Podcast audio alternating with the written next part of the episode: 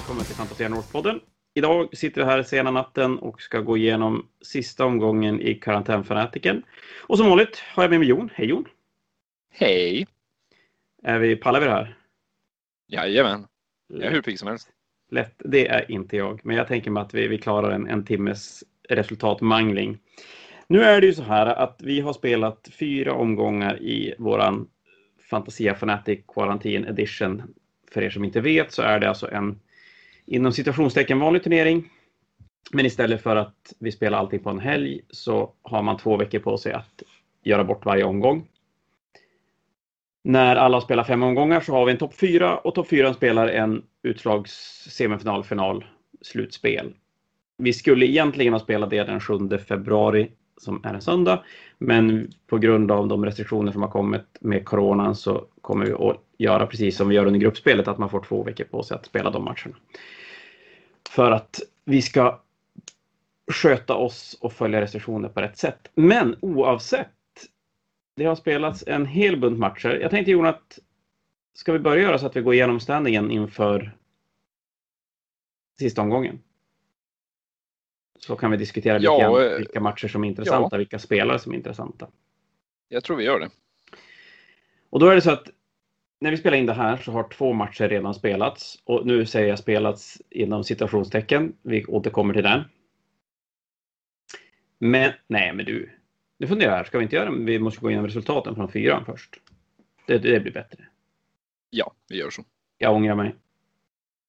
Så här, så här välplanerade är vi. Då kör vi runda fyra, en liten snabbis. Då har vi, första matchen är Simon Ingvarsson mot Anders Agdahl. Det är Space Wolf med inhalerade Astra Militarum mot en Imperial Fist-armé. Där Jon var vi inne på att Agdahl skulle vinna. Ja, och ja, det gjorde han ju också. Han vann gjorde det. 20-0. Han vann 20-0. Jag hann inte har- kika så jättemycket på det här, men det, det lät som att det hade gått enligt Anders planer helt och hållet. Mm. Vi var ju inne på det. Det viktigaste här är att vi hade rätt. Faktiskt. Det tycker jag också. Så tack Simon för att du lät oss ha rätt, helt enkelt. Särskilt som Eh. vi har haft så ohyggligt mycket fel den här turneringen. Ja, det var rent fruktansvärt. Rent fruktansvärt. För då, nästa match så hade vi faktiskt fel, även om jag höll egentligen bara med för att jag inte skulle få skit på jobbet. Då var det Micke Segelund mot Bebbe och då är det Blood Angel mot Astra Militarum.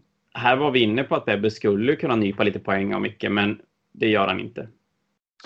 Nej, men jag trodde alltså, både du och jag har väl hört om den här matchen eh, och Bebbe han, han hade ju så bra början och han sköt ju bort i princip allt som Micke hade. Eh, tills det kom ner, vad var det, något kvar, det var kvar något Bladeguard och någonting, eh, någonting mer och eh, tydligen det bara gick igenom hela hans armé. Ja, som jag förstod det så var det som, det var två olika matcher. Det var Astra två runder och sen var det Blodänglar resten. Och då är det väl så att Blodänglarna är bättre på att ta poäng. För de är ju mycket mer mobila. Så att, Ja, och så dessutom som den här matchen bevisar, även väldigt få Space Marines kan veva sig igenom Guardsmen. ja, min gud. Eh, Jo. Så definitivt. Non-Eradicator kan ju faktiskt plocka en, en Lemarus alldeles själv nästan. Och Mm. det gör ju väldigt, väldigt stor skillnad. Jag vet också, här, som sagt det slutar 18-2 till, till Micke. Jag vet att Bebbe är lite bitter för att han inte, för han gick för att vinna stort. För spekulationerna innan den här omgången var att någon av de här behövde vinna stort, eller i alla fall att Bebbe behövde vinna stort för att ha en chans på topp 4. Men som vi kommer att komma till sen, att en liten förlust eller en liten, liten vinst hade räckt ganska långt och sen kunna gå för 20-0 i, eller en, gå för en stor vinst i sista omgången istället. Hade räckt alldeles utmärkt. Men så blev det inte och då är Bebbe borta från topp 4-snacket och Micke är i synnerligen hög grad en del i topp 4-snacket. Men sen Jon har vi ju då omgångens mest intressanta match. Måste vi prata om den? Fast du vann ju ändå. Ja, ja, jag vann ju, men alltså, ja, ja, jag säger det, jag har bara spelat så dåligt den här turneringen. Jag, jag tänkte att jag tänkte ändå att jag skulle kunna vinna. Och så första matchen tok förlorade jag mot Forsberg och det har typ skakat mitt självförtroende för resten av... Jag kan inte Du spela längre. Det var, det var tungt att förlora mot hälften så mycket Harlequins. Han är ju inte ens hälften så mycket Harlequins, han har typ en fjärdedel av min lista i Harlequins. Men det slutar i alla fall med att du Jon med dina Harlequins vinner 11-9 mot mina Tyranider. Och nu tänker jag att vi skulle nog kunna prata en timme om bara våran match, egentligen. Men nu tänker jag mig med friheten att sammanfatta det här lite grann. Och så sen får du helt enkelt rätta mig i efterhand om det är någonting du tycker inte stämmer. Men, men det som händer egentligen, det är väl att du deployar ganska defensivt. Kanske lite onödigt defensivt. Väldigt onödigt defensivt. Jag får första rundan, tar första rundan, men kan ju egentligen inte göra så mycket när du har deployat så långt bort från min Hiveguard. Så ärlighetens namn så är ju Hiveguards mot Harlequins ingen dröm-matchup när man får mycket minus och hit och, och man, man når inte lika långt. Så att exploderade sexer funkar inte. Och att ge massa minus i AP spelar inte så himla stor roll. Så att vad gör jag? Jag gör fem wounds på en, en gunboat i första rundan. Mm, men, ja.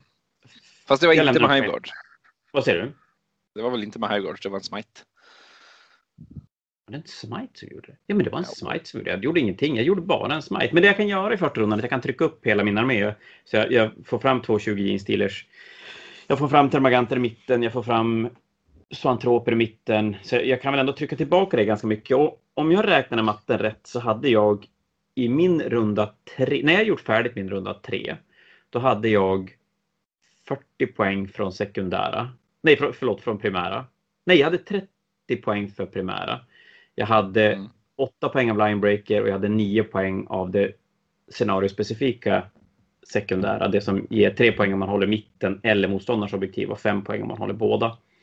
Och du har noll när du började din tredje. Ja, jag, jag, har nästan, jag hade nästan ingenting. Jag hade inte ens fått vad heter Engagement Fronts. Nej, du tryckte jag... tillbaka mig så hårt och jag fick inte in en charge på dina jeans. Du hade ju ställt dina jeans fantastiskt bra i början för jag kunde ju faktiskt inte skjuta på dem med någonting i min armé förutom ja, lite bikes.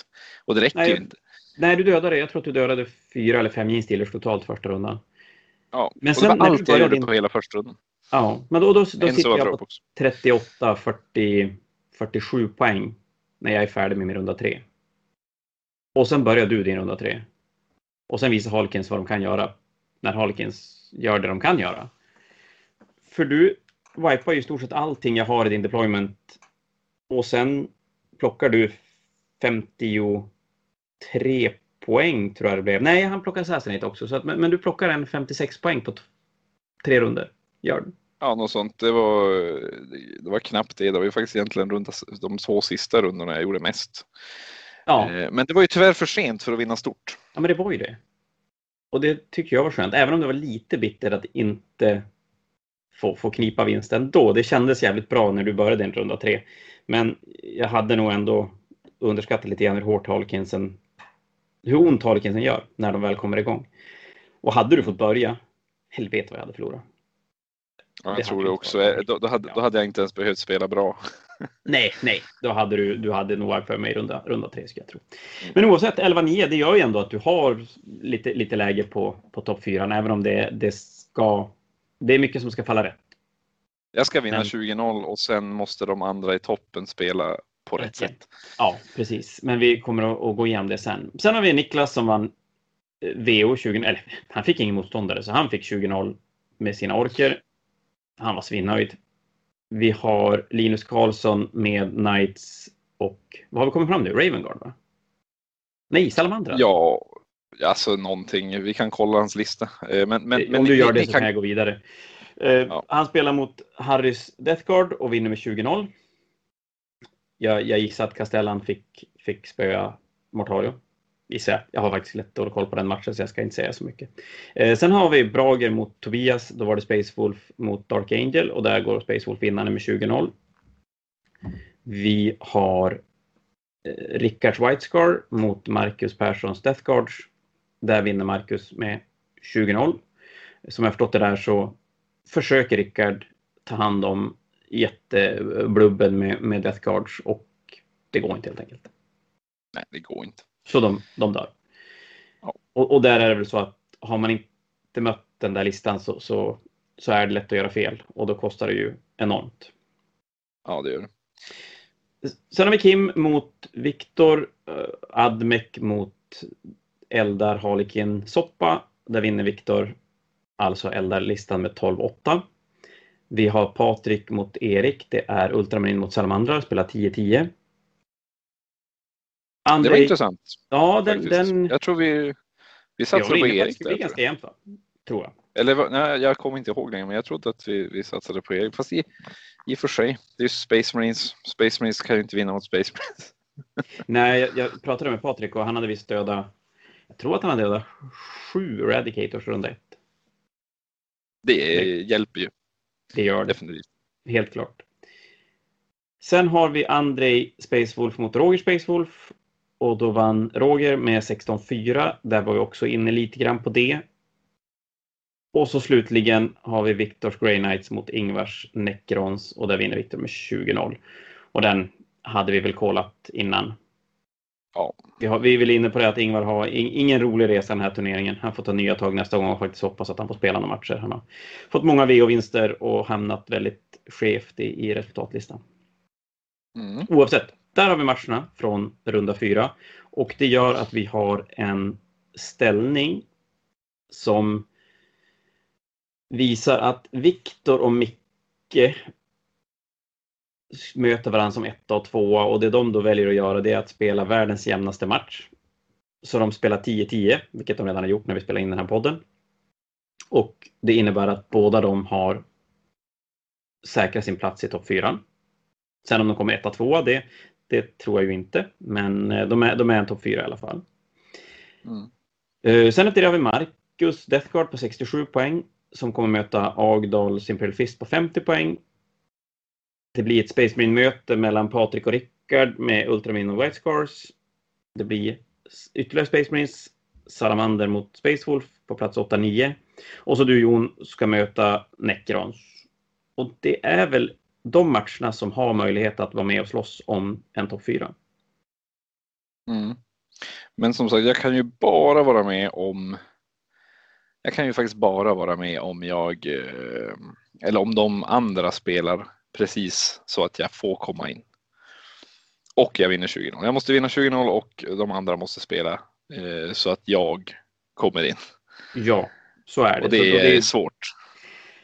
Så är det. Det, det. det är mycket som ska falla rätt. Jag tänker att vi skulle kunna gå igenom matcherna som, som är. Vi nuddar nog bara med de matcher som inte påverkar topp 4 för det känns som att när man inte riktigt har så mycket att spela för så är det svårt att veta hur många som bryr sig. Så jag tänker mig att vi, vi går in lite grann på de matcher som, som kan påverka. Mm. Vi kan nämna att Linus Karlsson mot Bebbe, de har redan spelat. Bebbe åkte på en 20-0 förlust. Och som sagt, Viktor och Micke, de har dråat 10-10.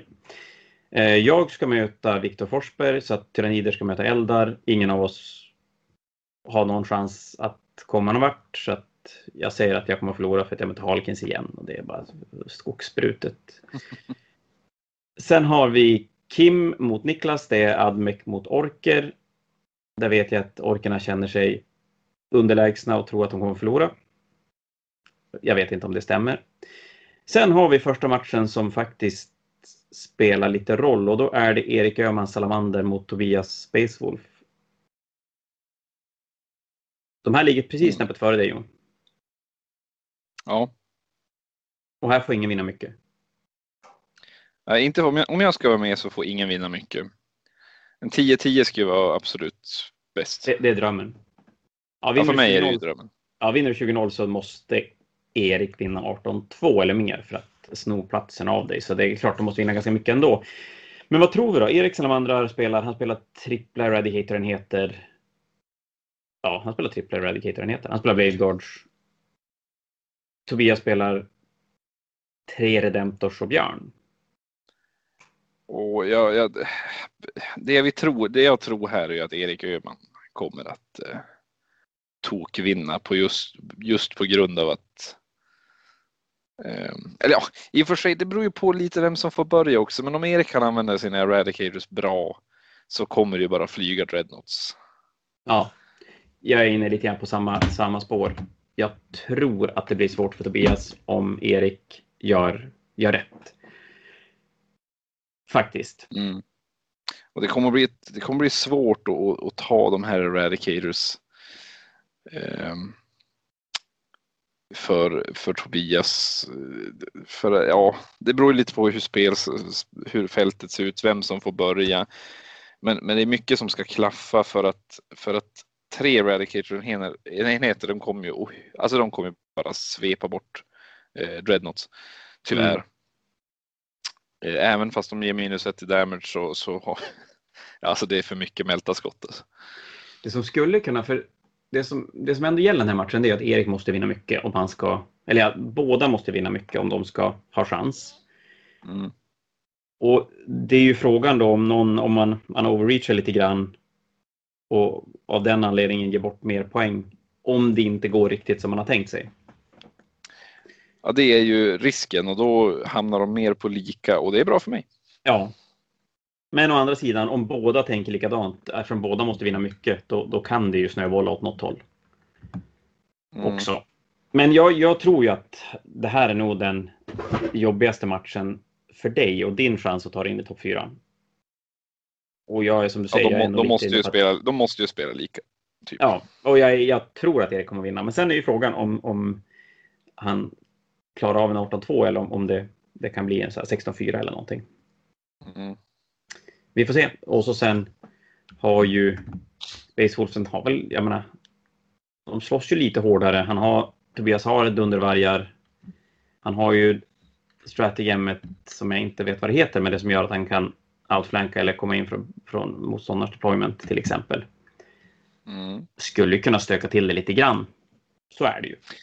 Jo, precis, men Tobias får ju inte göra fel här och, och eh, han ska gärna vinna några bra rolls, till exempel om han får välja sida så att han kan ställa upp bra. Mm. Ehm, alternativt få börja så att han kan eh, kanske till och med knäppa några eradicators innan. För om Erik börjar förlora lite eradicators, helt plötsligt så blir det lite besvärligt att ta alla de här dreadnoughts. Ja, det, det är ju de som, som ska göra jobbet. Helt klart. Nu vet jag inte, nu kommer jag inte ihåg Eriks lista, men hur mycket mer antitank har han förutom, förutom det? Han har inte jättemycket, inte skytte-antitank i alla fall. Han spelar bikes, han spelar blade guards, aggressors. Ja. Så nej, inte supermycket antitank. Det, det är Nej, nu, och, nio Eradicators så, så, ganska mycket antitank i och för sig. Ja, det, det är jättemycket. Men om, om, om nu de Eradicators kan försvinna. Eh, mm. Nu vet jag inte om Tobias spelar. Spelar han plasma eller? Eh, han spelar plasma. Redemptors gör han. Ska inte svära på om det är alla tre, men han spelar i alla fall två plasma Redemptors. Och det är ju damage 3 på dem, vilket gör ju att det är ju ganska fina grejer mot Eradicators. Ja, det gör ju ont om han får lite luckor att skjuta. Ja, så det är AP minus 4 han... så Eradicators får att säga emot det. Det är jättebra. Alltså. Och så sen är han ju snabbare med, med Thunderwolfsen. Mm. Så kan, kan han komma in på rätt ställe så, så kanske han kan stoppa upp lite grann. Mm. Men eh, jag tror fortfarande att Erik kommer vinna. Det, det, handlar väl egentligen bara om han lyckas vinna mycket. Tillräckligt mycket. Mm. Efter det har vi Anders Brager mot Andrej. Då är det Space Wolf mot Dark Angel, precis som Anders match från fjärde omgången. Eh, den här också har ingenting med toppen att göra, så att vi hoppar den. Sen har vi Harry, får tyvärr ingen motståndare, så han kommer att vinna 20-0 sista omgången med sina Death Guard. Och sen har vi ytterligare en match som, som faktiskt också påverkar inte kanske lika mycket, men då är det Marcus Deathguard som ska möta Anders Hagdals Imperial Fist. Och här vet jag att Marcus hade enorma förhoppningar om att få spela ny Deathguard-bok. Det hinner inte komma någon ny Deathguard-bok, plus att jag har insett att vi har ju sagt att man får byta armé om man får en ny bok. Men det blir ju väldigt konstigt om man får byta armé när man redan vet vem man ska möta. Framförallt i runda fem. Eh, ja, så, så den måste jag nog pudla lite grann på och säga att man får byta efter man har spelat en match inför nästa omgång i så fall om det kommer en ny bok. Men, men det är ju mer aktuellt för nästkommande Karantän Fanatic. Oavsett, Marcus behöver inte vinna mycket för att säkra en topp fyra här. Förlåt, Marcus behöver inte ens vinna. Han kan förlora, han får bara inte förlora jättestort. Agdal har 50 poäng du har 46 poäng om vi använder dig som någon sorts måttstock. För det, det, är, och sen är det fyra stycken mellan dig och Anders. Alltså om Anders vill ta sig in i topp fyra då måste han vinna mycket. Han ska ha 20-0 för att ha bra chanser. Ja, Eller för precis. att ha, ha chanser liksom. Han, eh, visserligen, om, det räcker ju med 20-0 för mig så han kan ju tekniskt sett vinna 16-4. Men då är han ju beroende av att Erik eller Tobias inte vinner mycket och även Patrik och Rickard, ingen av dem får vinna mycket heller. Precis, han, han vill ju ha 20-0 för att ta sig in. Eh, Marcus som du säger, han, han kan ta det ganska lugnt här. Mm. Eh, och eh, nu har jag mött Anders Agdal eh, och eh, ja, det blir kämpigt tror jag mot, eh, mot, mot Marcus Deathguard Blob. Den har ju bevisat sig vara ganska tålig. Ja, den är rätt bitig. Och jag tror, jag tror att det stora problemet i den här matchen, det blir att Marcus behöver inte ens göra en antydan om att försöka vinna. Han behöver egentligen bara se till att han inte släpper mer än, ja men, om, om han tappar, om han får fem poäng så är han alldeles lugn.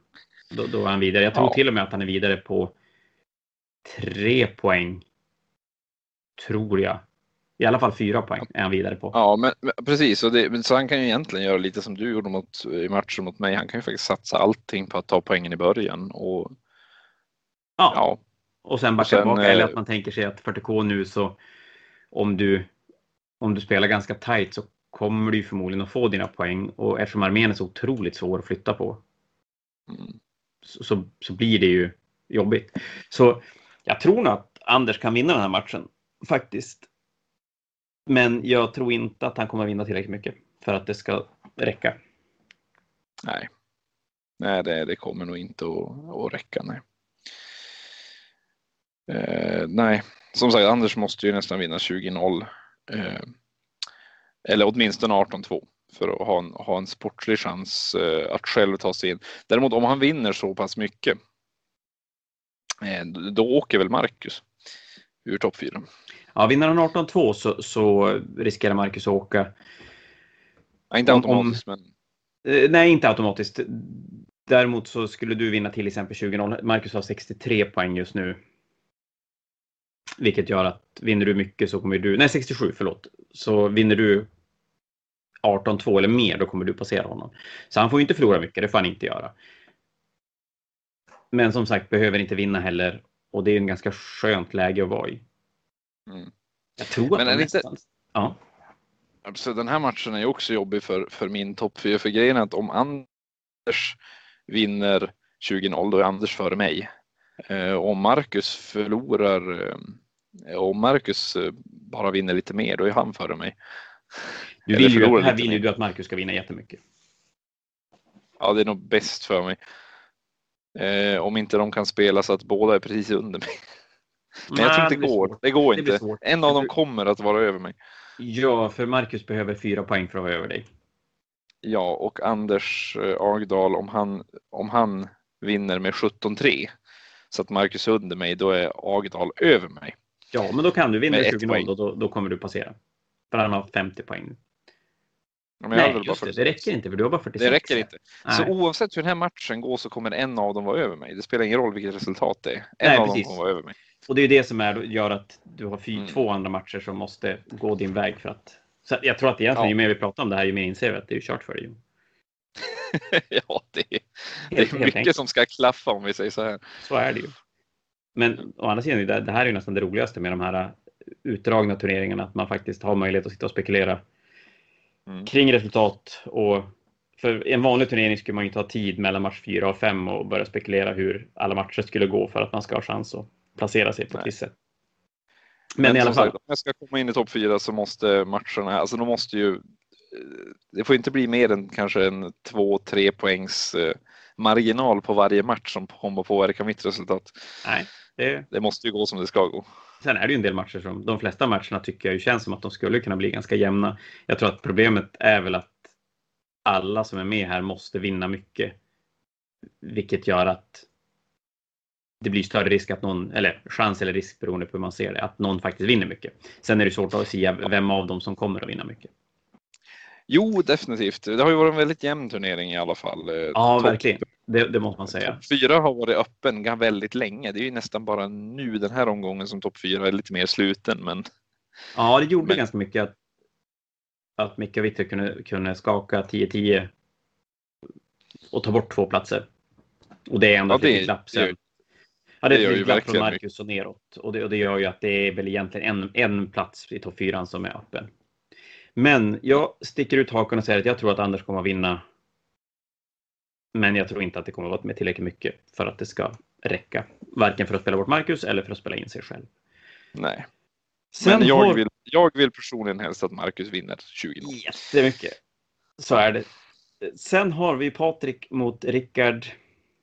Och då är det Ultramarines mot White Scars.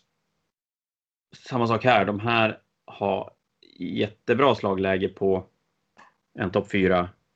Här är det egentligen bara Agdal ovanför som kan spöka till det. De ligger tre poäng efter. Två och tre poäng efter Anders. Men för att hålla passera Anders och för att hålla dig borta och även Erik och Tobias så, så bör ju de vinna mycket. Den som vill gå vidare. Och jag tror... Alltså vill man, vill man gå vidare nu så är det ju bra att vinna mycket. Nu är det ja. så pass sent så att nu är det bara 20-0 om du vill gå vidare. För oss och där tror jag faktiskt att jag tror att Rickard är den som har störst chans att ta den sista topp fyra platsen.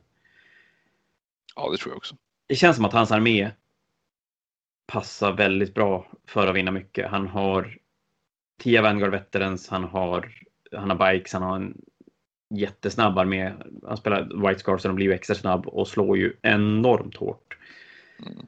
Och har ju som alla möjligheter att faktiskt vinna och vinna mycket, vilket många andra arméer kan ju ha svårt att bara automatgöra. Även om jag menar Ultramins är en bra armé. Ultramins vinner definitivt mycket, men, men de har svårare att vinna matcherna med, med mycket poäng. Precis, om, om, vi tittar, om vi tittar på, på listan så, så har ju så har ju pa, uh, Patrik var det väl? Ja. ja. Han har ju en 10 Assault Intercessor. Eh, han har ju några aggressors förstås, lite invictor, två invictors och, och så outriders och eh, två eradicator squads. Och jag tror ju en sak som Rickard har, den här veteranenheten med lightning mm. claws och eh, Stormshields, de kommer ju bara göra slarvsylt av i princip alla de här enheterna. Ja, möjligtvis utom Invictors, men eh, just det här faktum att Eradicators gör inte så mycket mot dem med Invulnerable Saven. Eh, och, eh, och Assault Intercessors, 10 Assault Intercessors mot de här tio veteranerna, det, det, är inte en jämn match. Nej, de har ju ingenting att säga till om. Och så sen på det att de är White Scar, vilket gör att han kommer ju vara i Patriks ansikte runda ett. Ja, mycket tidigare än vad Patrik vill att de ska vara i ansiktet. Så att jag tror att Patrik har en tung matchup här också mm. i listmässigt. Eh, så här, det här borde ju faktiskt Rickard kunna ta. Det ska inte. Och jag, den här matchen tror jag, jag, jag tror att Rickard kan vinna mycket. Eh, Patrik måste spela sitt top game deluxe för att stoppa en stor förlust. Tror jag i alla fall. Sen får, sen får Rickard gärna klanta sig lite. Ja. Eh, för, för min egen skull här, känner jag. Ja, ja, så är det ju. Man ska väl aldrig räkna ut Space Marines överhuvudtaget. Och, och jag vet att Patrik har redan börjat fundera på hur han ska hantera. Och då är det väl framförallt Vanguard-veteranerna som han, han behöver hantera på något sätt. Mm. Men han får ju inte bli för rädd så att han börjar skjuta med saker som inte ska skjuta på dem. Det är det som är också. Han får ju inte börja skjuta med, med saker som han inte vill ska skjuta, som han egentligen inte borde skjuta på Vanguard Veterans med. Eh, Nej. Nej, det är man, där att man ska ha respekt. Ja, han får inte bli lurad in att börja slänga iväg lite volterskott som mm. inte gör någonting och bara gör att Rickard har mer, mer gubbar kvar i slutet ändå. Precis. Det var ju lite det som jag, jag blev lurad i vår match faktiskt. Eh, för att, eller snarare så här att jag hade inget annat mål än dina Zoanthropes med, med allt Dacca jag hade och det, det gör ju nästan ingenting. Jo, du får säga att jag var duktig på att spela, det är okej. Okay. Ja, du, var, du, du var duktig på att spela och jag, jag var mindre duktig definitivt. Ehm, eh, jag kände redan jag kände, jag kände efter matchen att jag, om jag hade kunnat bara trycka in en troop-enhet i. Jag var ju lite onödigt rädd för dina Hiveguard i, efter matchen hade börjat också. För jag hade ju faktiskt kunnat, redan runda ett så hade jag egentligen kunnat trycka nästan allting in i mitten. Och jag tror nästan jag borde ha gjort det. Ja. Nej men jag, jag hade väl ganska höga förväntningar på Hiveguardsen att de skulle mm. ändå göra sin grej, döda båtar till höger och vänster. Men jag hade ju fel. Och det var inte för att jag på något sätt rullade dåligt eller valde fel mål eller någonting, utan det är bara att minus ett och hit, 4 plus save. det, det händer för lite. Så de det där... som dödade båtar var ju dina smites. Det var ju det som ja. var så. Jag menar, jag menar alltså 12, skjuter jag 12 skott och träffar 3 plus i rouletter. Normalt sett får jag exploderande sexer. Men det får jag inte på maskinerna. Och så träffar jag 4 plus istället för 3 plus. Jag menar, det blir inte så mycket träffar. Då har man en, en 7 träffar. Jag vondar är det båtarna du kan göra att jag vondar sämre eller är det infanteristerna du kan göra så att jag vondar dem sämre? Infanteristerna är automatiskt. Jag kan göra båtarna med stretch. Ja, just det. Ja, för det är klart, jag menar, skjuter jag då en salva på en båt, då träffar jag sju i snitt. Och så vondar jag på 3 plus som blir 4 plus om du vill. Så då vondar man 3,5. Du savear bort så att du är nere på 1,75 som går igenom. Och det blir D3. Ja, men det, det är typ 3 wounds fyra ons. Ja, någonstans. Det, precis, men det blir inte sex ons som behövs för att sänka båten. Nej. Och om jag skjuter igen, har du kvar att vonda svårare, det ligger kvar även? Ja, det ligger hela fasen. Ja, och då blir det ju så att skjuter jag då igen för två command points, då gör jag, ja då ska jag ju snitta ihjäl en båt med ett ons marginal ungefär. Ja, men då måste men rullar man ett på D3 där, då, då, helt plötsligt står det en båt med, med en båt med ett on kvar och så har man slösat två command points i onödan. Och som jag slår en, en av de här sexorna negator, men jag lyckas få en sexa på fel ställe så då står ju båten där. Ja. På tal om slösa command points Jon. Mm. Vi kan ju inte släppa den, det vet du va? Ja, just det, den jag måste vi berätta. Historia. Jag har en historia jag vill berätta. Gör det. Gör det. I vår match så charge, lyckas jag få in en charge med 18, nej den var 16 J-stealers in i en av dina jetbikes. För att planen jag har är att döda den och sen göra en 2D6 konsolidering längre in i din deployment för att som säkra upp eh, linebreaker och börja låsa upp lite båtar. Var min plan. Och du har, gör ju rätt som spenderar fyra command points för att både gå emellan i närstrid och sen lämna närstriden, vilket gör att jag är tvungen att pila mot din, mot din bike. För det är det som är planen för dig. Och, som, ja, precis. och så står den för långt bort för att du ska kunna, precis för långt bort för att du ska kunna slå på den. Ja, men exakt. Och mm. det är ju bra. Och så sen precis innan vi som kliver in i nästa närstrid så, ja det är klart, hade du varit en riktig jävla idiot då hade du kunnat tycka att det var för sent. Men Ja, men jag är inte en idiot. Jag hann ju innan vi började rulla tärningar i alla fall. Så kom jag ju på att strategem ut i regelboken som gör att man får, får hugga på folk som flyr. Jag kommer inte ens ihåg vad det heter. Vad heter det? Cut them down. Så heter det. Är ju jättekul, så det vill jag ju använda. Och så börjar vi kolla regler.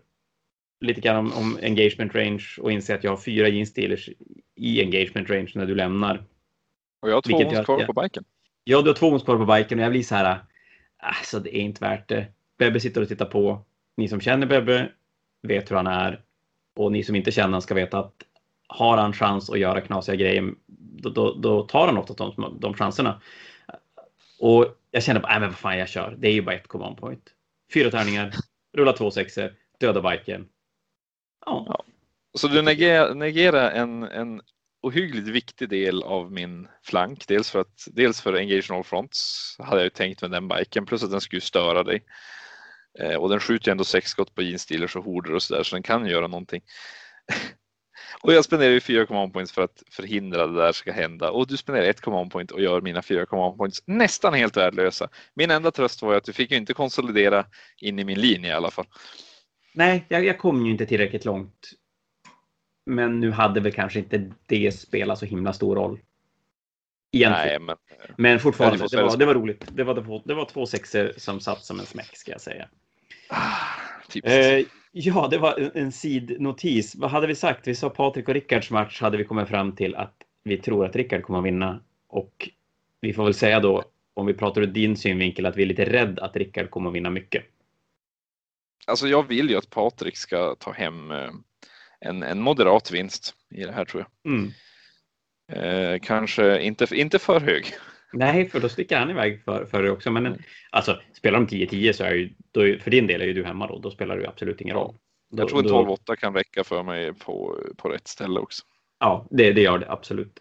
Men jag säger det, jag tror att Rickard kommer att vinna och jag tror att han kommer att vinna mycket.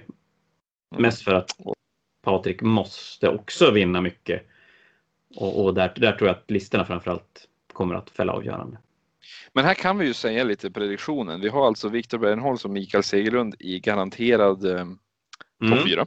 Mm. Eh, och sen har vi nog prediktionen att Marcus Persson och Rickard Ytjen blir de Ja, två. precis. Och då, då ska vi kunna säga att om vi kollar på hur, hur placeringarna ser ut nu så Marcus behöver fem poäng för att kliva förbi Mikael som ligger tvåa nu. Han behöver nio poäng för att, eller tio poäng för att, nej han behöver nio poäng för att kliva förbi Viktor som ligger etta. Så att jag tror ju att Marcus kommer att hamna etta eller tvåa inför topp fyra. Mm. Och så sen Rickard kommer att kliva in på fjärde plats för han kan inte, oavsett hur mycket han vinner så kommer han inte att komma förbi de andra i toppen. Mm. Nej, men det är ju vår prediktion och om vi då tar de fyra personerna, vem vinner Fnatic? Ja, men lugn, vi har någon match kvar också. Vi, vi ska, vi, ska, ja, vi måste avhandla de två sista matcherna. Vi, vi kommer tillbaka till den. Eh, vi har Roger mot Simon, vi har Space Wolf mot Space Wolf. Ja, just det. Och som sagt, den, den, påverkar inte toppen så den lämnar vi. Och så slutligen har vi dig Jon och dina Harlequins som ska möta Ingvars Necrons. Och här har vi väl pratat om att du ska vinna 20-0. Och det gör väl egentligen mycket bara för att det är det enda som gör att er match spelar roll. Alltså jag måste ju vinna 20-0 och sen måste allt annat gå precis som jag vill att det ska gå.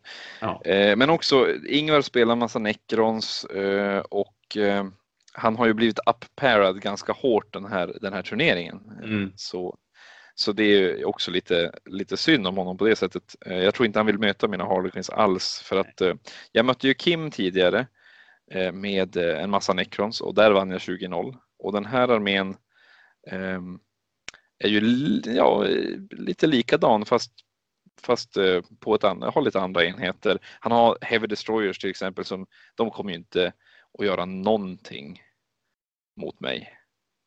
Nej, det, det han har i den här, han, han spelar ju en, en, variant av en Silver Tide-lista och så sen har han stoppat in grejer för att ta hand om tunga saker, döda Space Marines, mm. döda.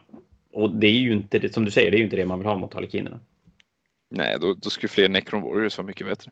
Ja. Eh, så definitivt, det är Doomstalker, det är Triarch Stalker, och där har du de här fina fordonen som jag kan gå in och smälta.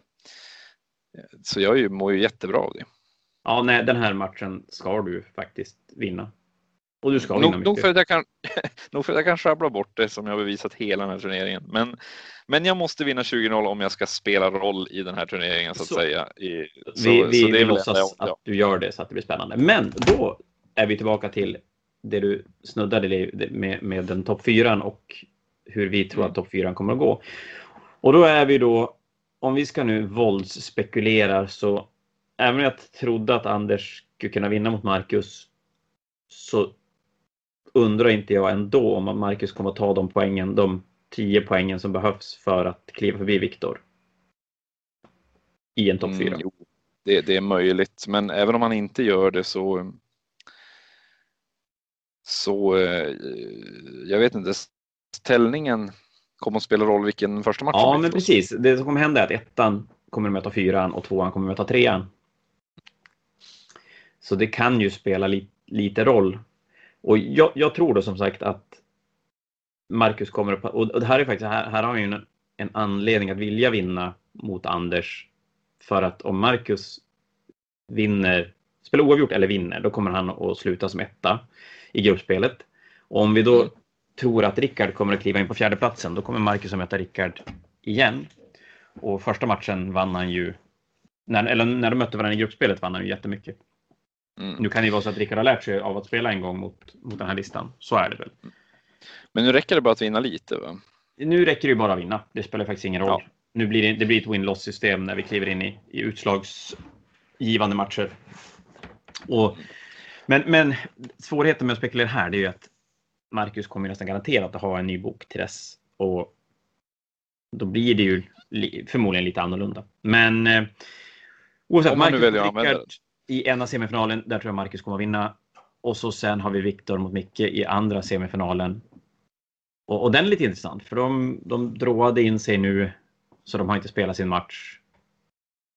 Och Viktor vann förra omgången, eller förra karantänfanatiken vann Viktor finalen mot Micke. Mm. Så det här är en repris. I så fall blir det en repris av förra omgång eller förra karantänfanatikens final. Och det är lite spännande ja, tycker jag. I alla, fall, I alla fall så blir det ju en eh, repris av spelarna men inte av mer.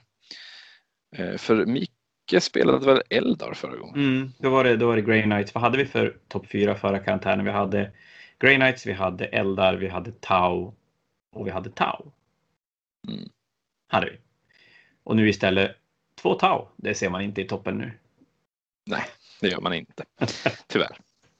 och nu kommer vi förmodligen ha Grey Knights, Blood Angel, Death Guard och White Scars. Mm. Och här sa du, förra gången så vann ju Viktor mot Micke, men då var det Grey Knights mot, mot Eldar. Nu är det Grey Knights mot, mot Blood Angels och här måste vi väl ändå säga att Blood Angels är bra. Ja, framförallt. De är bättre. Ja, de, jag tror de är mycket bättre än Grey Knights också i det här fallet. Ja.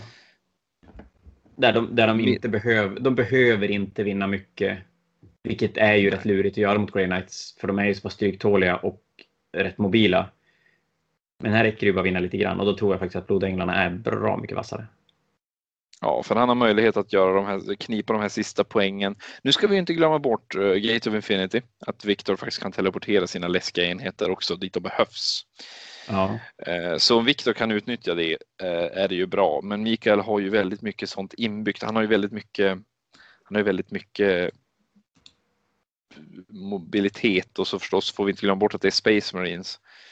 Och Blade Guard kom ju också, alltså de sågar sig ju väldigt bra igenom eh, Terminators nu för Terminators har ju fortfarande bara två ons i, i, i Grey Knight-boken. Ja.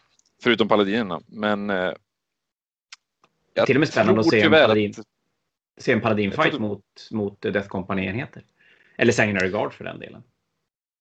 Ja, precis. Det, det kan ju bli lite jämnare där. Så vi får ju se, det beror lite på hur Viktor spelar, men jag tror att Blood Angels har ju en, eh, ett övertag eh, i, i, bok, i bokväg här, alltså att armén är, är faktiskt lite vassare. Det tror jag definitivt. Men vi kommer väl, eller väl, vi kommer ju ha en, ett avsnitt inför finalspelet också där vi kan spekulera ännu mer när vi faktiskt vet exakt hur matchupsen blir och definitivt. se om du får vara med och slåss där också. Det kan ju, det kan ju bli en helt annan. Eh, det kan ju bli en helt annan matchup, men det är ju roligt att spekulera för om det inte skulle bli den här, då har vi ju då har vi spekulerat två gånger. Ja, men det är ju jättebra. Det är, det är som du säger, det är roligt att spekulera. Jag har redan börjat fila på min lista inför kommande karantän Fanatic omgång. Som tanken är väl att den ska köra igång i början på mars, mitten på mars, någonstans där.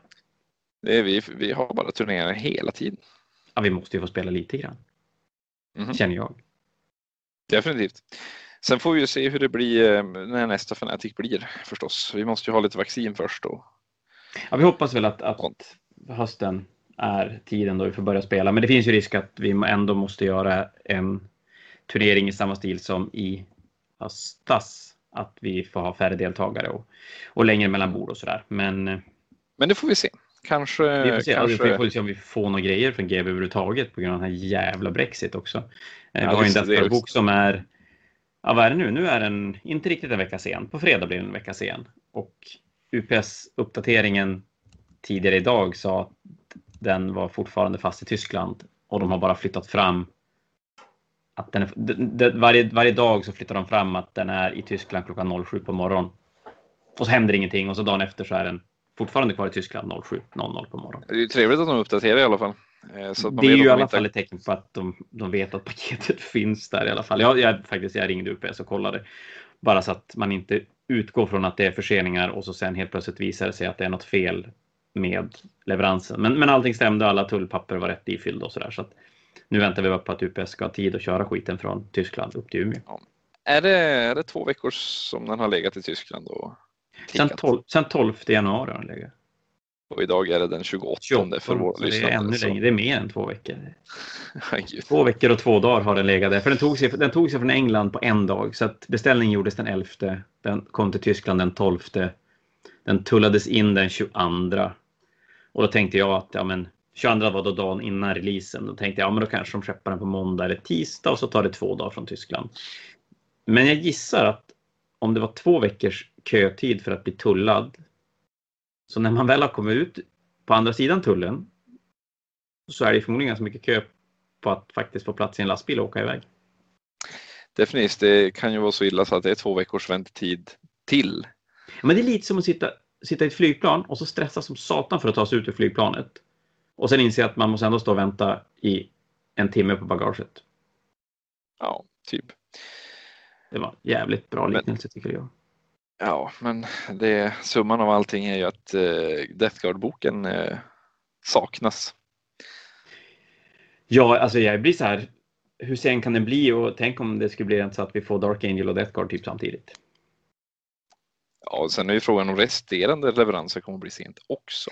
Jag gissar väl att, att det finns någon typ av så här rutinsystem som måste komma på plats så att saker och ting kommer att gå fortare. För även om figurerna är det viktigaste som finns i världen så finns det väl saker som andra anser ännu viktigare att det ska komma fram i tid. Så jag vet inte. De har ju Men det- uppenbarligen fel dock. Ja, det, ja det, det har de ju definitivt. Det har de definitivt.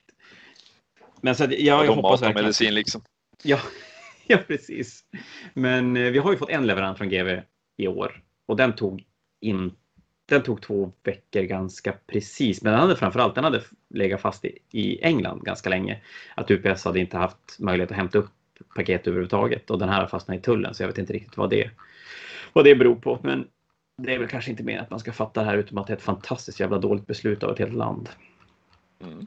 Men, nu har vi var- gjort en avstickare och gått in i politik här eh, i vår Ja, det kanske vi ska låta bli. Tänker jag. Nej, men vi har väl, känner jag, egentligen gått igenom den här omgången relativt ordentligt. Plus att jag börjar bli trött. Så att jag tror att vi känner oss ganska nöjda där. Tänker jag. Ja, och hoppas och vi att- hoppas att allting går min väg så att jag kniper in mig på topp Så fyra. att om en och en halv vecka då sitter vi och spekulerar hur du ska spöa Death Guard. Ja, För det är väl förmodligen det det lutar åt om det är så att du faktiskt kniper en plats i topp fyra. ja. Men du Jag Jon, där, där tror jag Ja. min turnering kommer att ta slut dock. Så kan det vara. Så kan det vara. Men du Jon, då säger vi tack för ikväll och alla ni som orkar lyssna på oss. Vi eh, tackar för det och hörs om en vecka. gör vi. Ha det bra. Hej då på er. Hej hej.